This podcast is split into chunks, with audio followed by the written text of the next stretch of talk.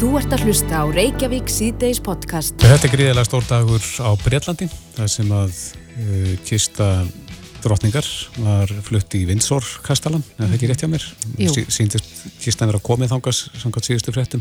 Akkurat. En uh, ég var mikið að velta fyrir mér í morgun þegar ég sá uh, sko lýsing á þessu að þarna voru 142 sjóliðis hermenn, held ég alveg öruglega, að þessu kallaði það sem að drói kistun eða fylgdu henni Mm en ekki hestar. Já, eins og maður hefði kannski talið eðlilegra en ég fór að svona kynna mér aðeins af hverju þeir voru með þessa hermenn en ekki hesta. En þá var ástæðan svo að þegar að Viktoria drottning var borðið til grafar á sínum tíma þá voru hesta sem að dróðu vagnin Mhm. en þeir fældust. Já, já. og þá lág við að kistan yldi um koll. Þannig að menn ákvað að taka enga sjensa með að sérstaklega eins og kannski mannfjöldinur menn veit ekkert hvað, hvað við hver er að búast Mhm. þannig að menn bara stiftu hestunum út fyrir þessa hermenn, Kannski örugari kosturinn. örugari kostur En við erum komin í samband við hana Kristínu Ólafsdóttur, frettamann á stöð 2 sem er stödd í Lundunum. Kontur sæl, Kristín.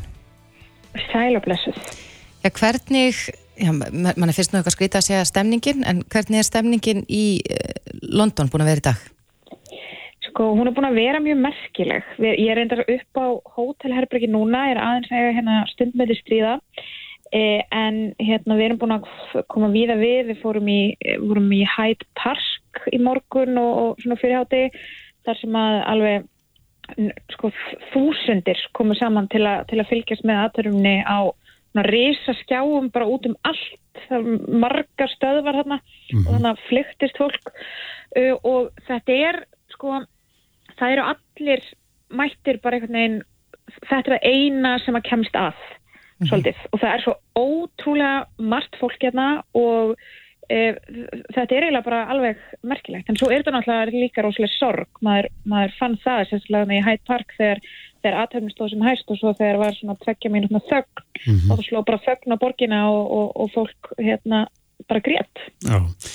En hvernig er, að, hvernig er að ferðast á milli staða þarna á þessum degi? Sko, það er e, svolítið snúið, það er náttúrulega algjörlega pakkað, allavega ímyndið ég mér í neðanjáralestunum við einar tökumæður sem erum hérna saman, við reyndum ekki einu svona á það að reyna að komast eitthvað hérna í, veist, nota þessar eh, samgöngur sko, þannig að við erum bara búin að vera að lappa, e, fórum einmitt og tókum við, tala við fórseta Íslands og, og fórseta frúna og, og sendiherran í sendiherra bústænum og, og hérna, og það er einmitt sko lappitúr sem að ætti að taka kannski hálftíma en tók okkur svona klukkutíma síska bát af því að það eru svo hérna miklar gödulókanir og, og, og náttúrulega mikill bara tróðningur það er bara svo ótrúlega, það er svo ótrúlega margir hérna Já. Við töluðum aðeins um það hérna áðan að þetta er nú einar umfangsmestu lauruglu aðgerðar fyrir og síðar. Er það áþreifanlegt þarna hversu mikil lögjastlan er og, og, og já, þessar öryggis ráðstafanir? Já, það er nefnilega mjög maður, það er bara lauruglumenn hérna út um allt og, og hermenn, hérna fólk í, í herklæðum er hérna líka og, og svo ég var mitt við hérna Thames í gær og, og sildi fram hjá svona fullur gummibátur af svona sérsveitarmönnum hálgerðum, Mm. alveg bara þungbúnum, eða þungvopniðum þannig að þetta er bara, já, maður þetta er út um allt svona löggæsla Og hefur þetta gengið áfallalust fyrir sig í, í dag? Já, ég held það, svona stór áfalla löst allavega. Ég hef ekki hyrst af neina, það er náttúrulega, maður heyrir hérna, það eru sjúkrabílar og, og sírenur sem að fara reglulega í gang, en, en meða við hvað er hérna gríðarlegu mannfjöldi að þá held ég að, að þetta gæti varlega að gengi betur. En hvað tekur við núna? Nú er, er kistan komin í Windsor Kastalan? Já, uh, sko, mér skilst að það, þá byrji hérna að töfn um, ef hún er ekki þegar byrjuð. Ég hérna var að veikina, ég hef ekki alveg getað fylgst nógu náðu með sko hérna útsendingunni sjálfri eða fréttaflutningi af þessu í dag. Mm En það byrjuð þarna svona, svona nánari aðtöfn en var í, í hérna Westminster Abbey, eh, svona aðeins, aðeins fámennari og svona, svona persónulegri. Eh, þar, þar, eru, eru við, verið viðstættir svona fólk sem að drottningin þekkti í lifandi lífi og, og svona og, og, svo, og þar er sérst, önnur svona aðtöfn og svo verður hún jörðuð þarna í, í svona kvelvingu undir kapellinu þarna. Já, það segir hérna að vísi, hún er jarðsungin við fámenna aðtöp klukkan 18.30 í íslenskum tíma og það verða bara nánustu fjölstjöldi meðlemi sem verða vist eftir þá aðtöp. Já, já, þá, þá aðtöp það verður bara einmitt allra, allra nánustu. Mm -hmm. En mér skildist Kristína að það er, sko þá verður þetta líst yfir þjóðarsorg í Breitlandi uh, mm -hmm. þegar hún fjall frá og að, að mm -hmm. þessi þjóðarsorg var í heila viku eftir uh, útföruna. Hefur að því? Já, hérna, sko, einmitt, hún, hún verður áfram og sko, og einmitt í dag að, að þetta var bara svona frítagur fyrir, fyrir alla bara, þannig að hérna fólk gæti horsta á, á jarðaföruna sem að ég einmitt held að bara öruglega flestir hafi gert og, og svo, svo var bara allt lokað í rauninni Ma McDonalds var lokað og hérna allar verslanir, stórmarkaðir fatabúðir, það var bara allt, allt lokað, allavega svona fyrirháti þetta er aðeins að sökka í gang núna en, en hérna, en já, þetta er reysa viðbyrjum sem hefur áhrif við á og mun gera einmitt núna áfram út, út vikuna. Akkurat, já, ég held að margir Íslandingar hafa nú líka verið að fylgjast með þessu og ekki bara Íslandingar heldur bara fólkum allan heim. Mm -hmm. Mm -hmm. Ekki spurning, þetta er sögulegt. Já, Kristín Ólastóttir, eh, fréttakona, við sjáum og heyrum meira af þér í fréttum í kvöld en, en kæra þakki fyrir spjallið og bestu kveðu til Lunduna. Takk fyrir kæla. Þú ert að hlusta á Reykjavík C-Days podcast.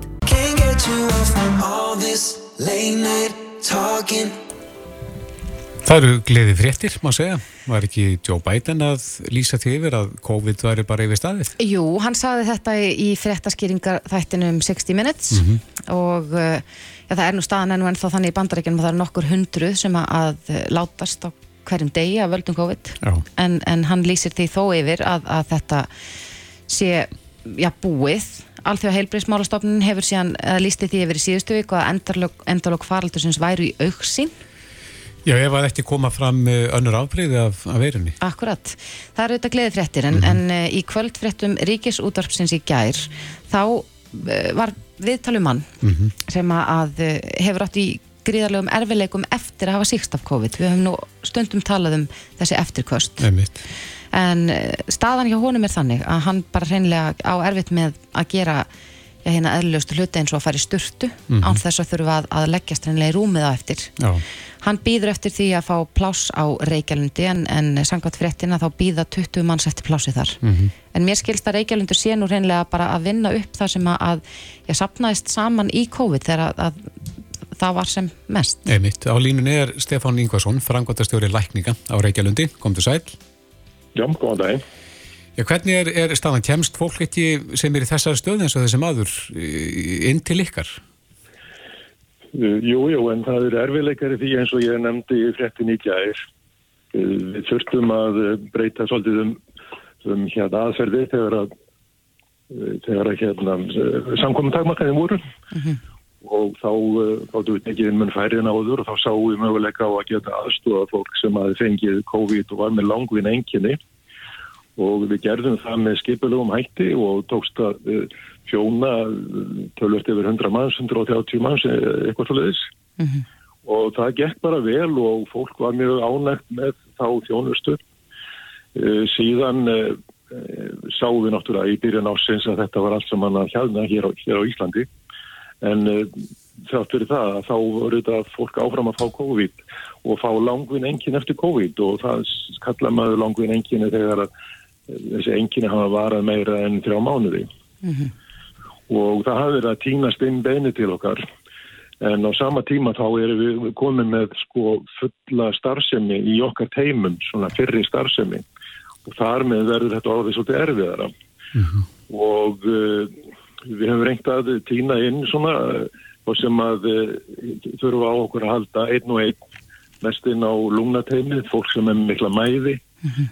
Eh, en það eru tölur og hópur sem að eh, ekki hefur komið til okkar enda á og við eigum bara í erfileikum með að eh, finna úr hvernig við getum best tjónustaf. Já, en uh, Stefan, hvað er það helst sem að fólk glýmir við? Við sáum um, sögu þessa manns sem á, á reynilega bara erfitt með já, daglegar aðtapnir. Uh, hvers slags eftirkvöst er þetta sem fólk finnir fyrir? Já, þeir sem eru með langvinn eftirkost, eftir, sem, sem eru lengur en þrín mánuður, þeir eru langmest með uh, segja, mikla þreitu eins og líst var þarna sem er náttúrulega óvinnið mikið en all, með alla gerðir af þreitu, skulum segja, öll steg þreitunar.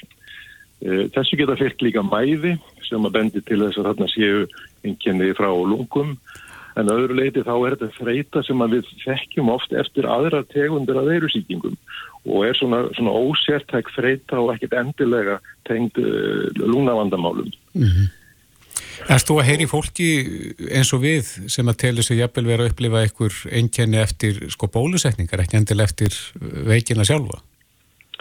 Nei, það er nú reyndar uh, sjálfgeft og ekkert sem ég hef tekið eftir sko. Þetta er nokkið sáfjöldi beina heldur en uh, það, fólk hefur við að tala um önnur enginni eins og verki og, og þessu og það eindum hefur, hefur fyllt á kvíði og ymmislegt annað og það sem að háir náttúrulega fólk mest er bara úthald og ofinnufærni og það er mm -hmm. það sem er að plaga fólk mest.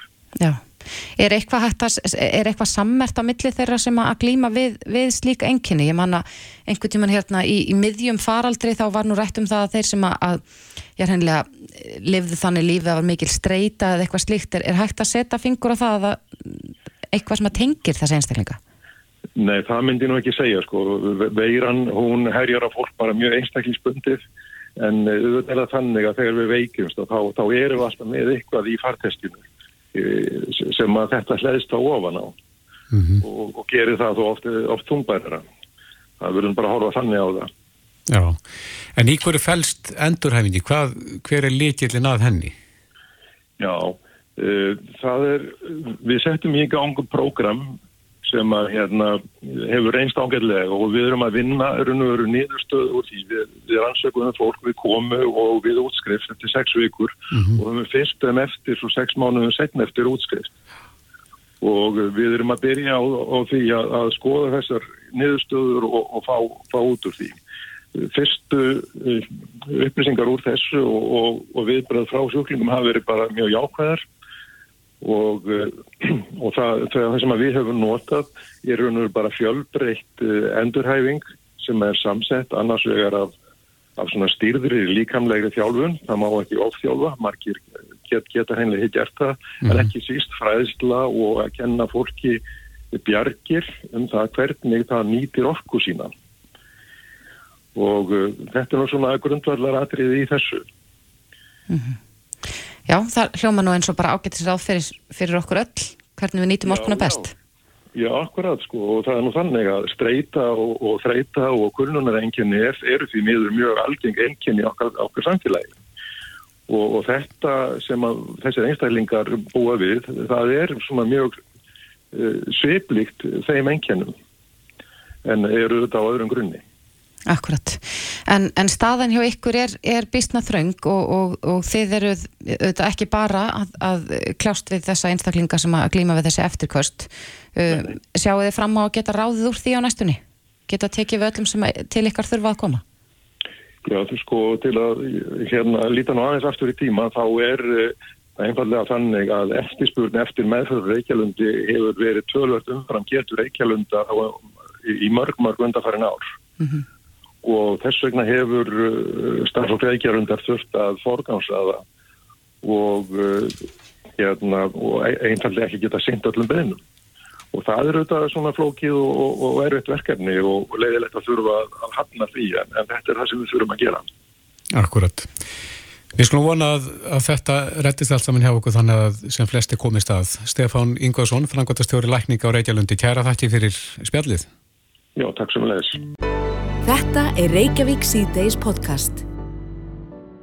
Reykjavík C-Days heldur áfram klukkan 10 myndi gengin í 6 og við ætlum aðeins að snú okkur að þingstörfunum. Já, þingmálin er nú sannlega hrannast uh, inn eftir að þing kom saman núna um daginn en eitt mál vakti aðtegla okkar sem að við höfum nú rætt hér áður ekkert um fyrir kostningar held ég mm -hmm. og það eru þessar gjaldfrjálsu heilbrið skimanir sem að Já, þetta var eitt af, af stærstu stefnumálum eh, miðflokksins Já. fyrir kostningarnar í fyrra. Nei mitt. Segmundur Davíð Gunnlaugsson, uh, annar af tveimur flutningsmönnum fyrir umhverfins er á línunni, kom til sæl, eða þingsálíktunar, kom til sæl. Komið sæl. Já, uh, farðaðis yfir þetta með okkur aftur út af hvað gengur þessu hugmynd ykkar? Já, hugmyndin er þessi. Það hefur lengi týrkast að þeir sem hafa efni á því eða er í einhvern tilteknum stöðum, fórsetar og kongar og drottningar og, og framkvæmstörar fyrirtækja og svona, hafa verið sendir reglulega í helbriði skimanir. Mm -hmm. Svona tjekk, hvort sem er eitthvað af eða ekki, bara fylgjast með helsunni hjá viðkomandi.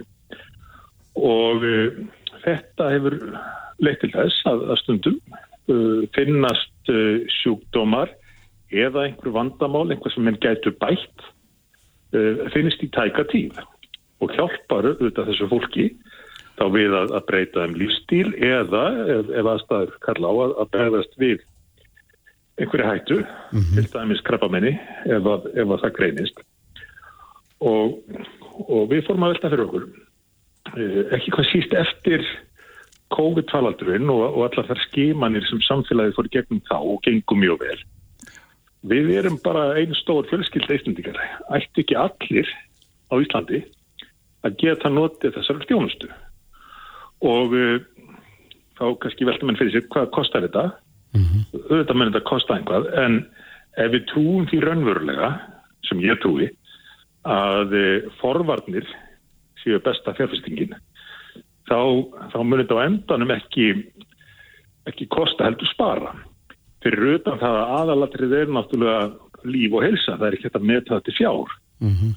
Og af því að við erum bara einstór fjölskylda, þá, þá finnst okkur að ég verði hægt að gera þetta fyrir alla. Akkurat.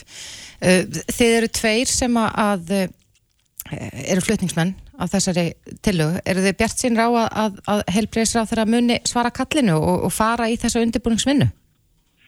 Já, sko, ástæðan fyrir því að við lögum þetta fram sem þingsáluftuna tillugu frekar en lagafrumvarp er svo að við þetta þekkjum það að meira hluti ríkistjórn er mjög treg til, sem er sagt að samþykja uh, tillugur eða, eða löglega eitthvað sem kemur frá uh, stjórnmannanstöðu og við bara gerum ráð fyrir því og setjum okkur við og þess vegna leggjum við þetta fram sem þingsáluftuna tillugum að fela ríkistjórninu að ráðfærunum að vinna þetta og gera þetta. Og þá, get, þá getur þau komið og kynnt þetta sem sitt. Og það er allt í leið, það er bara fínt okkar vegna. En við töldum það svona vænleira til árangus en það sem að kannski vekur helst bjart síni hjá mér er að í kostningabaráttri þá var þetta það mál sem að frambjóðundur úr öðrum flokkum uh, hrósuðu hvað mest. Ekki ofinberlega það er eðlilegt í kostningabarötu menn er ekki að menn er ekki að hrósa stefnumál mannar að flokka en svona maðuramann þá, þá voru ótrúlega margi sem sögðu þetta gæti bara verið stöðugt og ég er að vonast til þess að núna muni bara ríkistjórnin taka við þessu og, og setja sitt mark á þetta og afgreða þetta á þann hátt sem hún vil því að eh, ég hef fundið svona töluverðan stuðning við að mista kosti megin hugmyndina, hugsununa hjá öðrum stjórnmálunum. Mm, Þið miði hérna við 40 ára aldurinn og á 30 ára fresti eftir færtugt. Já, og, það er svona af praktiskum ástæðum. Við lásum okkur til tölvert um, um hvernig þetta virkaði í Júlandum. Það eru þetta alls konar stofnanir, heilbreyðist tjónusta sem býður upp á þetta en menn þá þurfur jafnum að borga. En yfirleitt miðað við svona cirka 40 ára af því að þá eikst hættan á ímsum eh, lífstilsjúkdómum til að mynda og, og, og öðru sem að þarf að grýpa inn í. En uh, þú tökum við fram að ef tilefni er til þá, þá geti yngra fólk uh, leitað eftir þessu og ef tilefni er til þá geti menn farið í svona skoðun oftar en á, á 30 ára fresti. Mm -hmm. En til þess að draga einhver mörg þá, þá var þessi 40 ára aldur talin uh, viðeigandi. Já, segmyndur ég hjá eftir því í tillögunni að, að þar segir að almenningur hefði valum það hvar skimandna væru framkvæmdar og þetta væri þá ekki já, einhver, einhverja hvaðir á ofinbæra heilbreyðskerfið en, en nú hefur verið ansið mikið í umræðinu undanfarnar daga að ríkistjórnin virðist ekki alveg vera samstiga um akkurat þetta. Sko hvort að auka við engarekstur leifa engareknum stopnunum eða stofum og að, að koma meira að borðinu hvernig heldur að það fari? Þetta er alveg rétt sko. En ég held bara að það sé óhjákvæmilegt ef við ætlum að fara í þetta eða gefa þessu einhvern tjens að hleypa fleirum að en, en ríkisstofnunum. Og það gegnast öllum. Því að landsbítalinn þarf ekkert meira álag. Hann hefur nóg að gera eins og sækir standa. En ef að menn opna á það að, að helsugæslur og hvort sem það eru sjálfstættreknar eða herindiríkið uh, fari í þetta, þá erum við um leið að búa til meiri tækifæri fyrir fólk í heilbriðisgreinum og hvort sem að litið til starfsfólk, sjúkunafræðinga, lækna eða annara að hafa þá fleiri möguleika í, í, á sínu starfsviði mm -hmm. eða til þróunar uh, rannsókna á heilbriðsviðinu. Ég held nefnilega að það væri mjög gott fyrir fyrir þetta svið, helbiðismála, að það eru til fleiri tækifæri og meiri kvartar til að þróa þjónustuna, þessum að segja. Mm -hmm. Og þarna geta mann einfallega keft um það að bjóð upp á bestu þjónustuna. Þess að fólk getur valið hvert að þeir, valið eftir verði, en líka valið eftir gæðum þjónustunar, hversu vel viðkomandi líkar við að mæta á hverju stað og hitta á hverju fólk Eh, og, og, og það held ég að þetta bara gagnast öll. Já, aðeins hérna varandi framkvæmdinn á þessu, nú veit ekki hvort að þú hef, kannast við þessa stóru helsufarsansók sem að Íslensk erðagreining stóð fyrir í turninum. Hefur eitthvað kynntið það? Það? Eh, líklega, byrju, hvað, hvað var það aftur? Já, þeir sem að fóri í þá rannsókna, þeir fóru hellerinn að ring þarna á einni hæðin í húsinu og það var nánast farið yfir öll líffæri líkamanns. Er, er það spáið ykkur að svoleið stóra heilsufarsrannsók sem að, eða skimun, það sem að allt í líkamann með tekið fyrir og skannað? Já, já, við verðum spáið það en þetta verður að draga einhver mörg og í undirbúningi fyrir þessa tilugabæði núna og fyrir kostningar þá skoðum við eh, fordæmi við að erlendist til dæmis svo ég nefn eitt dæmi, Mayo Clinic tekt eh, helbriðstofnun í bandaríkunum býður upp á svona skimanir og þá er bara er ákveðnir hlutir sem eru skoðaðir, þeir hlutir sem eru líklegastir til þess að, að geta orðið til þess að að menn uppgötu eitthvað í tæka tíð mm -hmm. eða geti bent viðkomandi á að, að það þurfa að breytum lífstíli eða, eða menn geti trátt fyrir er góð, við góða helsu, bættana eh, það er til, það, það er til fjöldi fordæma. Já. En þá er líka, fyrir ekki segmyndur, þá er það stóra spurningi líka, kemur þetta til að spara til lengri tíma litið í heilbíðistjárfunu eða verður þetta bara kostnæður? Ég held að þetta muni á endanum spara. Og uh, þetta, er þetta, þetta er orðin hálfgerðu frasi að, að besta fjárfestingin sé forvarnir en ég held að sé satt, ég held að sé mikið til því. Og þannig er við að tala um forvarnir sem að geta, geta grepið inn í á uh, mjög mikilvægum tímapunkti. Til þess að bjarga annarkost beinlinis bjarga lífi fólks eða minnstakosti að gera því klifta aðlaga lífstílinn til þess að, að lifa lengur. Og nú höfum við séð það að á endanum falla allir frá jafnvel breytadrottning sem að maður var farin að ímynda sér að það er því eilíf mm -hmm. en þetta býður allra markmiðið með þessu er að býðin verði sem lengst eftir því að það gerist og sem flestir náðu að lifa sem lengst en um leið að svo tími verði sem bestur fyrir fólk. Akkurat, já, það verður spennand að sjá hvernig þetta fer á þinginu en segmundur Davíð Gunnlaugsson formaði miðflokksins. Kæra þakkir. Takk fyrir, bless. Þetta er Reykjavík C-Days podcast. Eh, Daði Már Kristófesson, hann eh, vill að bændur fara að snúa sér að ykkur öðru heldur en að framlega kýr. Já, sko síðast liðin förstu dag var dagur íslenskrar náttúru og þá var fjallað um loftslagsmál og fleira í frettum stöðvar 2 og þar segir hann Daði Már Kristófesson sem er professor í eh, umhverfis og auðlundafræði mm -hmm. Að aukin jarðrækt, grænmetis og annara afurða geti skipt sköpum í loftslagsmálum í framtíðin en þá þurfa að frelsa bændur undan regluverki. Já. Hann talar um að frelsa bændur. Mm -hmm. Í dag byrstist grein inn á vísi.is þar sem að Erna Bjarnadóttir, hagfræðingur og verkefnastjóri hjá Mjölkur samsölinni, já, segir að þetta er nú, þetta er ekki endilega það að bændur vilji frelsast undan regluverkunni, heldur líka bara það að við neytendur erum ekkit endilega að kalla eftir þessum afurðum. Erna komið til okkar, velkomin. Takk fyrir að bjóða mér, takk. Já, þú segir að, að það er eitthvað annað sem ræður, heldur en, eh, já, vantalega þá bara markaslögmálið eða hvað? Já, ég hef nú talið að, að markaslögmálið, eh, það er hvað neytendur vilja að kaupa sem að á að skila sér gegnum virðiskeðina til framleiða, hvað er framleiða mm -hmm. og uh, það er þá innflutt eins og til dæmis í því tilfelli það sem að íslenski bændur ekki að framleiða bönir eða aðra prótengjár júrtaðaríkinu, þeir eru þá fluttir inn eðlilega til að, mæta þeirri eftirspurn. Mættu við gera meira af því þá að, að rekta þetta? Sko, það hefur náttúrulega margir náð ótrúlegum árangri í rektun hér á landi og, og það, það má til dæmis nefna eins og móður jörð á Vallanessi á héræði, þar hafur náð skriðalegur árangur, það, það er líka kjör aðstæður, það er svona líkist meira veðufari eh, sem gerist í er svona kyrrara og hlirri sömur, mm -hmm. en svona úti við strendur þá er einfallega ekki bara þau veðufarskilir því að það sé raunhæft að rækta já, hvað þá svona prótengjaf eins og bönir úr jörtaríkinu menn eru að prófa að sjá fram í byggrækt við um land, ekki einsinni það getur gengið allstar og hér erum við að tala um prótingja og þeir þurfa einfallega ennþá betri viðskilir en til dæmis kveiti og bygg. Mm -hmm. en, en þú hefur nú verið í gegnum tína í miklum tengslum við bændur?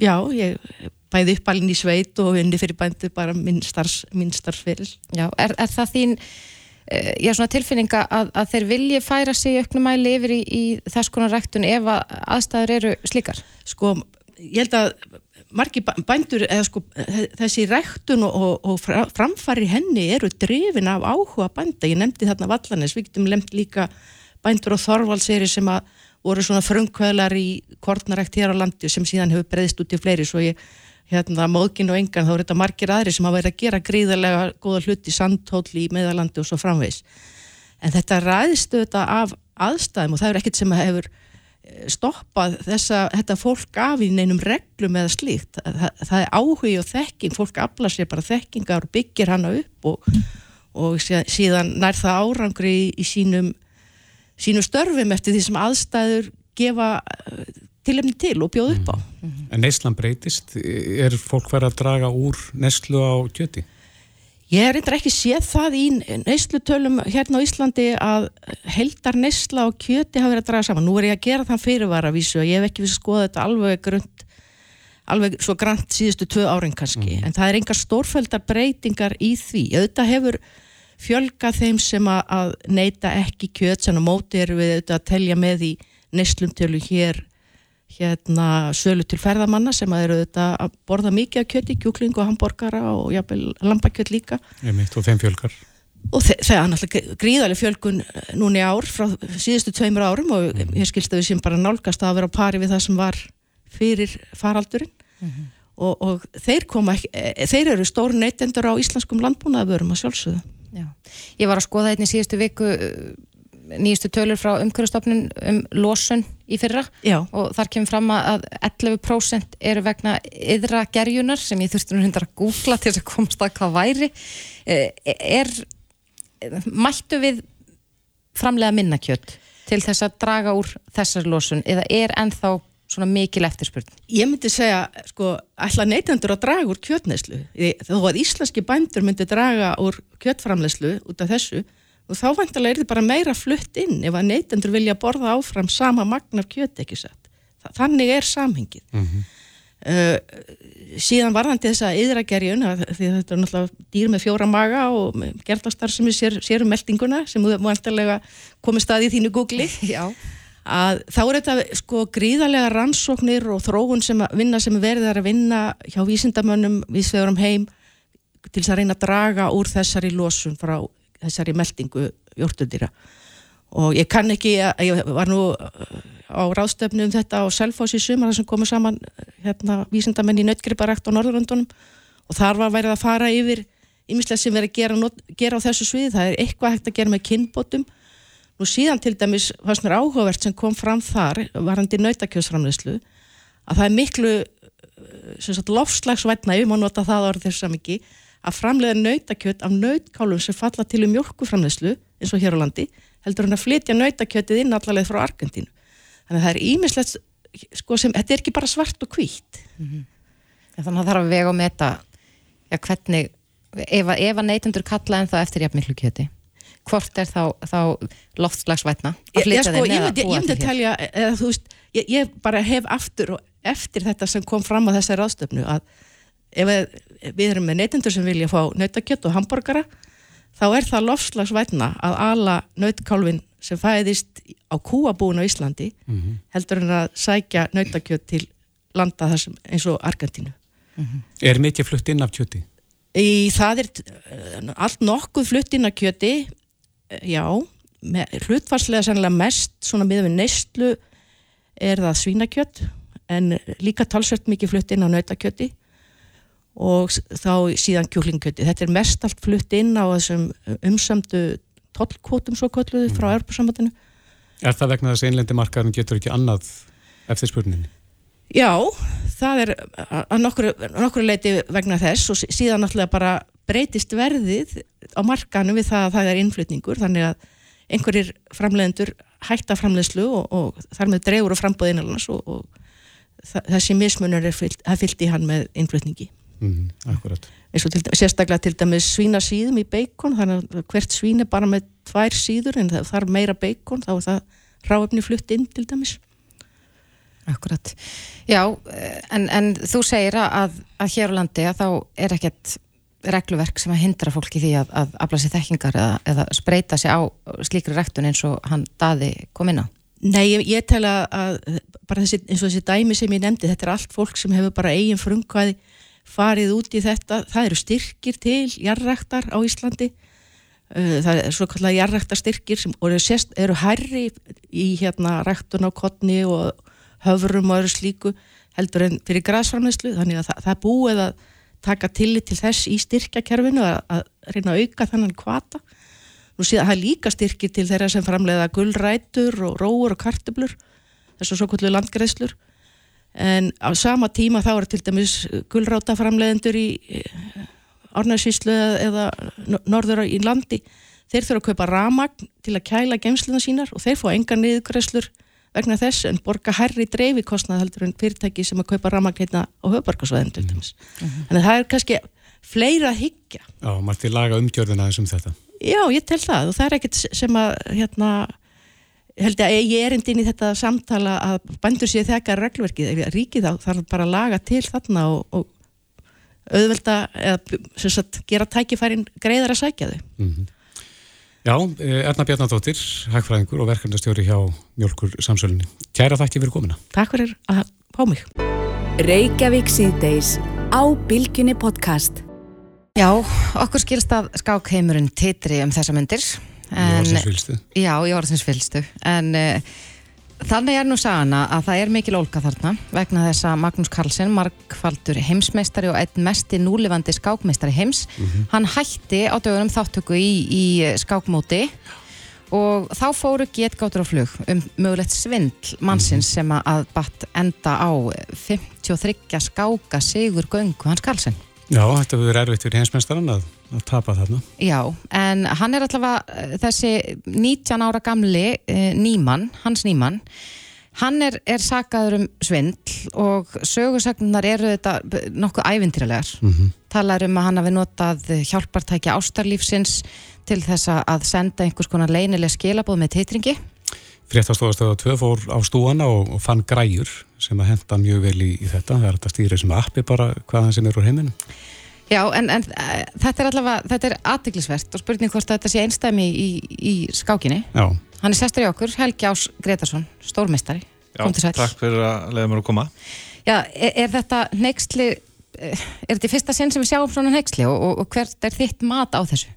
Varðandi þetta tiltegna tilvík, eh, þá eru ekki neina svona sannanir, sko, þannig að við vitum ekki hva, hvort þetta sé satt eða ekki. Eða, þetta veldur maður líka fyrir sig hvernig væri hægt að sanna svona lag? Það er náttúrulega mjög, mjög flókið sko en stundum hefur nú tekist að gera það. Það var til og meins frækt á Ólimpíu skákbóti 2010 þar sem það var fransku stórnmestari ásand liðstjórnum sem að beitta okkur svona merkjakerfi mm -hmm.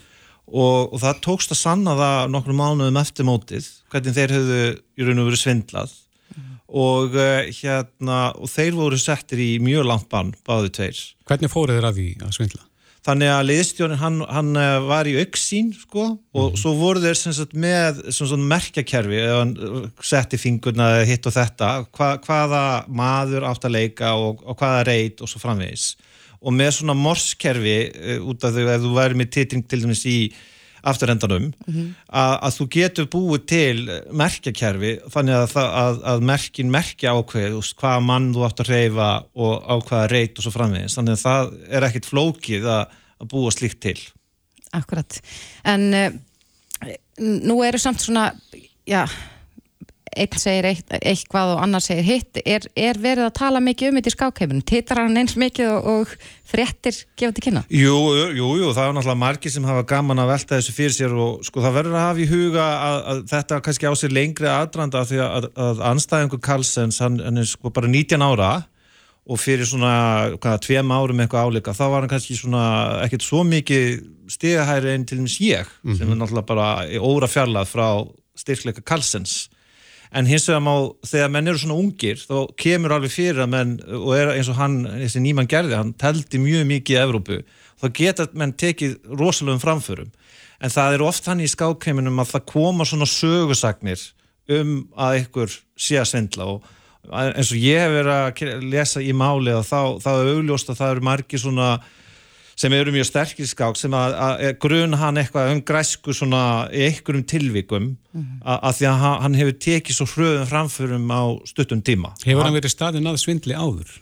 Það er bara á netuna, hann, það hefur verið viðkjent að hann hefur, mm -hmm. þegar hann var annars vegar 12 ára og svo hins vegar 16 ára, það er, það er staðfest að það eru margi sem að hafa náttúrulega svindlað á netinu sko, mm -hmm. en það er ekki komin eitt staðfest tilvík svona yfir borðinu sko. En hann á þetta til grunlega? Já, það er Já, allavega á netinu, það Já. er svolítið öðruvísi skák. Sko. Eru bara aðra reglur þar? Nei, það er ekki aðra reglur en, en sko það er svona, hvað maður segja, auðveldara mm -hmm. og veist, það er svona, fyrir ungt fólk getur þetta alveg verið freistandi, hann, hann var mjög svona vinsall streamer sko, mm -hmm. sem árið komast og þannig að þetta getur komið upp en það hafa mörg önnu tilvæg eins og til dæmis það var hérna búlgari fyrir svona tæpum tíu árum eitthvað og hann var ekkert svo sterkur skákmaður svo bara fyrir hann að vinna hverja stórmestunum fætur öðrum og glæsila og svona. Og svo endaði með því að í einu mótunu þá sögðu mótsaldrar hérna, heyrðu, nú verður þú að hætta og við viljum fá, taka hérna skona að þér og til rannsóknar. Hann neytaði að taka skona af sér mm -hmm. sem gerði það verkum að hann var rekin úr, úr mótunu og svo í raun og veru bara settur í bann Af hverju vildi með skónuna? Var grunur um eitthvað? Já, það var grunur um að sé eitthvað ráftæki í skónum mm -hmm. sem að er þá að senda uh, svipa ströyma. Þannig til og með sá þess vegna er eins og, og olimpíu skákmöndi uh, þá er verið á svona sterkur skákmöndi þá er svona skannar eins og er á flúvöllum mm -hmm. til þess að aðtu hvort þú sért með eitthvað svona ráftæki vegna þess að þau geta hjálpaður að, að fá upplýsingar sko. vegna þess að mm -hmm. þá er þetta þá þannig að það er einhver annar sem er að vinna með þér mm -hmm. og hann sér tölvu, hvað tölvan er að gera kannski í einhverjum kritiskum stöðum og þá getur hann sendt skilabóðin með þessum, með þessum hætti, einhvers konar morskerfi í raun og veru sko. mm -hmm. En hann, Magnús Karlsson, markvældur heimsmeistari hann í raun og veru tapaði ekki heldur hann hætti Já, þetta var bara sagt, uh, þetta er nýju umförðan mót, mjög þekkt alþjóðleitt mót uh, hérna í vakka skáklífsins í bandaríunum í St. Louis og hann hafði marg oft tekið þátt í þessum mótum. Aldrei hægt, hann er þannig karakt sko ótrúlegur baróttu hundur, hann Karlsson og það er þess að margir dá staðanum en sem sagt hann eftir að hann tapaði fyrir honum nýmann að þá ákvaða hann að hætta í mótunu og vildi ekki segja neitt meira um og hann hefur ekki gefið út neitt meira um, um ástæðu þess að hann hætti. Mm -hmm. Nei, en, en þá þá... byrja þessar sögursagnir um að, að nýmann hafi svindlað. Mm -hmm. En þannig að hann hefur ekki ofinbarlega sakað nýmann um að hafa svindlað heldur nei, það er meira nei. svona getgátur Nei, hann gaf það sterklega til kynna á Twitter með því að að láta spila svona gama Jose Mourinho myndband sko þar sem að Mourinho var að segja eh, ég lendi vandraði með að við segja eitthvað Já. eftir eitthvað eh, fókbóltaleg og vildi það ekki tjása um dómaran eða eitthvað slíkt Já, einmitt En uh, þessi leikur sem að, sem að vann skákina var, var eitthvað undarlegt við, við þann leik? Ég hef ekki sko grand skoðaða þannig, það eru sumi sem að halda því fram en, en sko, sko mín upplifun, það var svona ímislegt kannski skákin sem hefði mögulega geta orka tímælis en á heldinu leiti fannst mér nú þetta ekkert vera sérstaklega, þetta vera fyrir eitthvað léli skák hjá Karlsson og uh, þannig að ég, ég verð að segja það sko ég átta mikið, þetta er alveg möguleik að, að alla skýringar sem að nýmann hefur komið með mm -hmm e, geta alveg gengið upp sko mm -hmm. og þannig að þetta var ekki sko þetta var ekki þannig skáka þetta var eitthvað bara eitthvað ótrúld einstíum, tíu tól leiki í röð þar sem þú þurftir að leika bara einhverjum ótrúlegu förðu tölvi leikim til þess að ná að vinna skákina mm -hmm. það var ekki þannig sko mm -hmm. Þetta var frekar þá léleg skák hjá heimsmeistarunum frekar heldur mjög góð hjá Nýmann Jú, hún var náttúrulega fínskák hjá nýmann en já við sko á þessu leveli sko að því að Karlsson var líka með kvítt og hann er tefla við 19 ára strák þá er hansi ólíklegt sko fyrirfram að hann tap í skákinni. En þetta hefur samt alveg gæst á ferli Karlssons að hann hafi tapað gegn anstæðinga svona kaliber sko. Mm -hmm. Kannski eitthvað vannmatt ég, ég, ég veit en sko eh, þetta er örglega það sem ég held tesan mín væri svo að, að margi þá í skákheiminum erum búin að mynda sér þá skoðun að hann e, eigi það mögulega til hann nýman að svindla með einhverjum hætti þess að hafa náð svona miklum framförum og það, það er kannski byggt á sögursögnum ekki harð, hörðum staðarindum eða sönnunum og Karlsson er kannski að akta á þessar sko, hvað segja, sögursagnir mm -hmm. En mun Karlsson eh, ná orðspori sína aftur innan, innan skák heimsins eftir þetta nexli? Já, blessuð verðt, ég finna að Karlsson er bara þvílíkt Ég meinti reynda nýmann, ég var aðalega að tala um nýmann Já, neða fyrirgeðu nýmann Já, hann svara, hann var alveg í hálftíma viðtal og margir segja að hann hafi svarað mjög vel fyrir sig, sko.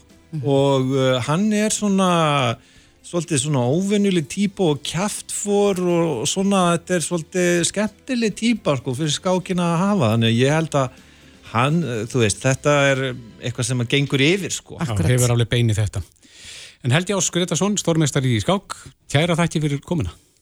Takk fyrir. Hlustaðu hvena sem er á Reykjavík C-Days podcast. Já, það er ótt að segja að það vakti miklu aðtegli þegar að fréttir hendu að Heimir Hallgrímsson, okkar gamli landslisþjálfari í fókbólda, að hann eh, væri við það að semja við Jamaica, eða Jamaiku. Akkurat. Já og uh, það var bara núna á förstu daginn sem að, að hann heimir skrifaði undir mm -hmm. samning þess efnis. Það var nú búið að ræði þetta í nokkra daga þar á undan. Já. En við erum komin í beint samband við Heimi Hallgrímsson sem er stattur á Jamaica. Kom til sæl. Sælverði. Hvað er þetta á Jamaica? Ég er á norðuströndinni, uh, heitir Discovery Bay, uh, staðinu sem ég er á. Svolítið út úr, langt frá höfuborginni. Já, en þú ert búin að semja og við segjum bara til hlammeiki með, með nýja starfið, en hvernig kom þetta til? Takk fyrir það. Uh, já, þetta var svona frekar bara stuttur og snarpur aðdraðanda, það hefði náttúrulega mikið tíma til að hugsa þetta. Ég svona, var aðeins að íta á hlutina og, og hérna uh, þessi tenging kom bara svona svolítið óvænt upp í spjalli við annan þjálfara Uh, og uh, já, eftir það bara gerðist hlutinni bara ansið hratt þannig að þetta var ekki gegnum umbósmenn eða eitthvað svoleiðis þannig að uh, þetta var svona eiginlega bara beint, beint samband, beint tenging mm -hmm. Og hvernig leggst þetta stóra verkefni þig? Ja, þetta, þetta er auðvitað eitthvað sem að ég þarf bara tíma til þess að meta og melda aðeins þetta, þetta er auðvitað svolítið öðruvísi, margt öðruvísi heldur en maður á að vennjast um, og eiginlega allt öðruvísi heldur en síðasta verkefni mitt sem var í, í, í persaflóðana mm -hmm. eh, allt, allt, allt öðruvísi kúltúr og það er nú kannski það sem er svo skemmtilegt við þetta að, kynast kynast svona öllum uh, já, öllum mögulegum hérna vinglum á, á, á, á fólki og, og og, og venjum og, og síðum og svo leiðis þannig að það er nú líka bara gaman að pröfa eitthvað nýtt og henda sér í djúpa lögina Já, akkurat En hvernig er landslið Jamaica? Við, við erum með það ekki á sveipiðum stað á styrkleika lista FIFA? Jú, allir sé ekki bara svona álíka sterk landslið. Það eru kannski leikminn í, frá Jamaica eru líklega og, og eru að spila á kannski harra getustegi heldur en íslensku leikminni. En, það er svolítið svona, eh, mínum að því svona svolítið einsleitur hópur uh, hérna þessi, þessi hópur sem að ég hef, þetta er mest megnis framherjar kantmenn og, og svona sóknar miðmenn og vantar, vantar kannski meira að varna sinnaði leikmenn. Og það var kannski öfugt þegar ég var mýslenska landslega, það var kannski fleiri sem voru voru varnarlega góðir og spil í góðun liðum sem, a, sem, a, sem voru að spila alltaf á vellunum en kannski færri sem voru að spila framar á vellunum þannig að þetta er bara svona aðeins öfugt við það sem maður er vanur en, en alveg öruglega eru sko einstaklingarnir að spila í betri deildum heldur en, heldur en íslensku leikmennir Í hvað deildum eru leikmenn frá Jamaica að spila? Við erum til dæmis að fara núna að leika við Argentínu í bara strax í byrjun næstu viku og allir sé ekki svona 60-70% af leikmennunum e, eru að spila bara í ennsku úrháðstildinni og ennsku uh, næstærstu dildinni mm -hmm. Og svo eru náttúrulega margir leikmenn hérna í, í MLS í, í um, aðvennmennadildinni í Bandaríkana það er, það er mjög margir sem fara híðan í háskóla til Bandaríkana og fara svo þaðan uh, að fá á skólastyrk og fara svo þaðan í þessi aðvennmennalið í, í Bandaríkanum Þannig að þetta er gríðlu fjöldi af leikmönnum sem eru e, út um allt og e, ég er ekki komin nema bara rétt í toppinn af, af þessum leikmönnum. Þannig að ég get voða lítið eða verið að tjá mig um leikmönnina. Ég er bara komin á stutt og ég er búin að segja að það við alla að þetta verkefni verður bara hjá mér að reyna að kynnast öllu og læra á hlutina og, og svo í framhaldin því að það fara að gera eitthvað kannski. Já, Hvað, hvert er markmið? Hvað, er, ertu búin að setja eitthvað markmið með, með þetta lið? Það var náttúrulega bara í, í rauninni í samninum, hann er til fjóra ára og, og, og þeir hafa metnað að komast á HM 2026 sem er í, hérna í Ameríku, sem sagt mm. uh, HM 2026 verður í, í, í Mexiko, Bandaríkjunum og Kanada og það er svona, það eigur möguleikana fyrir liðin hérna að komast inn í þá keppni að, að geskjafarnir þeir fá auðvitað uh, aðganga þessari keppni. Mm -hmm. Hefur það gerst áður að Jamaica hafi verið með þeirri kemni? Það hefur einu sinni gerst í sögunni. Það hefur alltaf verið lengi, lengi þáttakandur en það hefur bara einu sinni gerst í sögunni. Ég man ekki á það, ég vil ekki vera að ljúa ártalinu. En það er mikið talað um það lið sem komst á HM og, og svona, já, þeir eru, konar á eldri ár þeir sem tóku þáttir í. Mm -hmm. En eh, heimir nú hafa frettamilla nú verið að fjalla um þessa ráningu og einhverju segja að þú setja lögðin í erfiðar aðstæður Er, ertu hrættur um að þetta séu erfiðar aðstæðar sem þú veist að henda þér úti? Já, þetta eru það. Þetta eru þetta, það, það eru búin að vera vandamál hérna í kringum stjórnun á þessu landslið og svona óanæja, svolítið mikil óanæja og ég veit að þetta verður ekki auðvelt en, en hérna hvaða verkefni er auðvelt og hvað, hvað væri gaman að taka við verkefni sem væri auðvelt. Þannig að þú veist, ég veit alveg svona nokkuð í húti hvað ég er að fara og það var nú eina ástæðan fyrir ég tók því. Ég held ég geti hjálpað en, en svo getur vel verið að ég sé að ofmeta það sem ég get og það verður þá bara komið ljós og ekkit að því, það gerir bara mitt besta og svo sjáum við hvað það leiður okkur Hefur þið fundið fyrir velvild það núti? Er, er treystir fólk verið í þetta verkefni?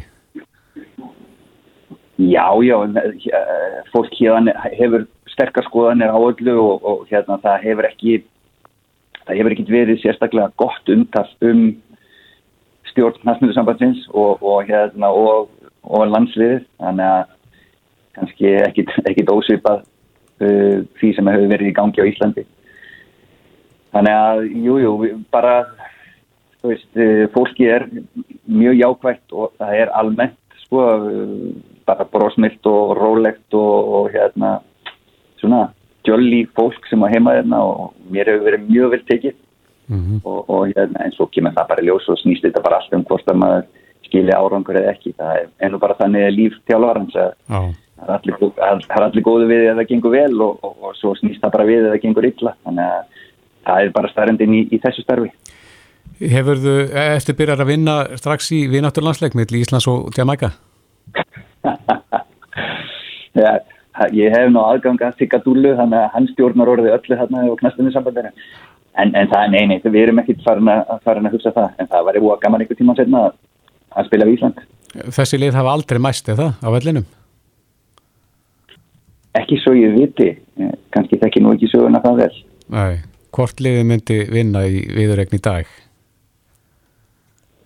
Ég FIFA styrklegistinn segir að þetta séu ákala á jöflið þannig að við hefum ekki segjað að færi í jöfnli svona þessi diplomatisk Þú vilt ekki, vilt ekki styggja þá sem eru svo Jamaica og eru kannski að hlusta núna Nú ekki heldur þá sem eru að hlusta á ykkur Nei, akkurat En uh, leggst vel í því að, að, að þú ert að flytja það nútið það ekki? Uh, það verður þá ekki fyrir ná á, á bara nýju ári ég veit ekki hversu hversu mikið við verðum með það, en ég finnst bara virðingi því að koma og vera allavega svona fyrstum sinn og, og setja sig inn í kúltúrin og, og, og hérna og kynast fólkinu og fókbaltanum hérna í landinu, þannig að ég finnst það er svona lámark. Já, fer fjölskyldan með þér? Hvað, séu við? Fer fjölskyldan með? Já, allavega konan, strákan er í orðni það, það, fullorðnir að þeir bara taka ákvörðunum það sjálfur hvort það er komið ekki en, en, hérna, en konan kemur allavega og eins og því, mér, mér finnst það bara lámarks kurtið að landslýstjálfarinn búi á landinu og, og, og hérna og, og kynni sér kynni sér kultúrin og bóballan í, í landinu. Já, og þá var það kannski sko mikilvægast að spurningin fílar og reggi tónlist? Ég elska hana það er að góða við þetta alls saman sko. Já, hún, hún verður á fóninu þarna meira og minna Já, ég held að maður þurfi ekki nefn að opna glukka þá, þá fæði maður hana inn um glukkan, þannig að þetta er ekki spurning hvort um maður vilja hlusta á hann og hún verður hérna. Já, akkurat. Já, Heimir Hallgrímsson, landslistþjálfari Jamaiku, við bara óskuður aftur til hamingju og gangið er vel með þetta verkefni. Takk fyrir það. Reykjavík síðdeis á bylginni.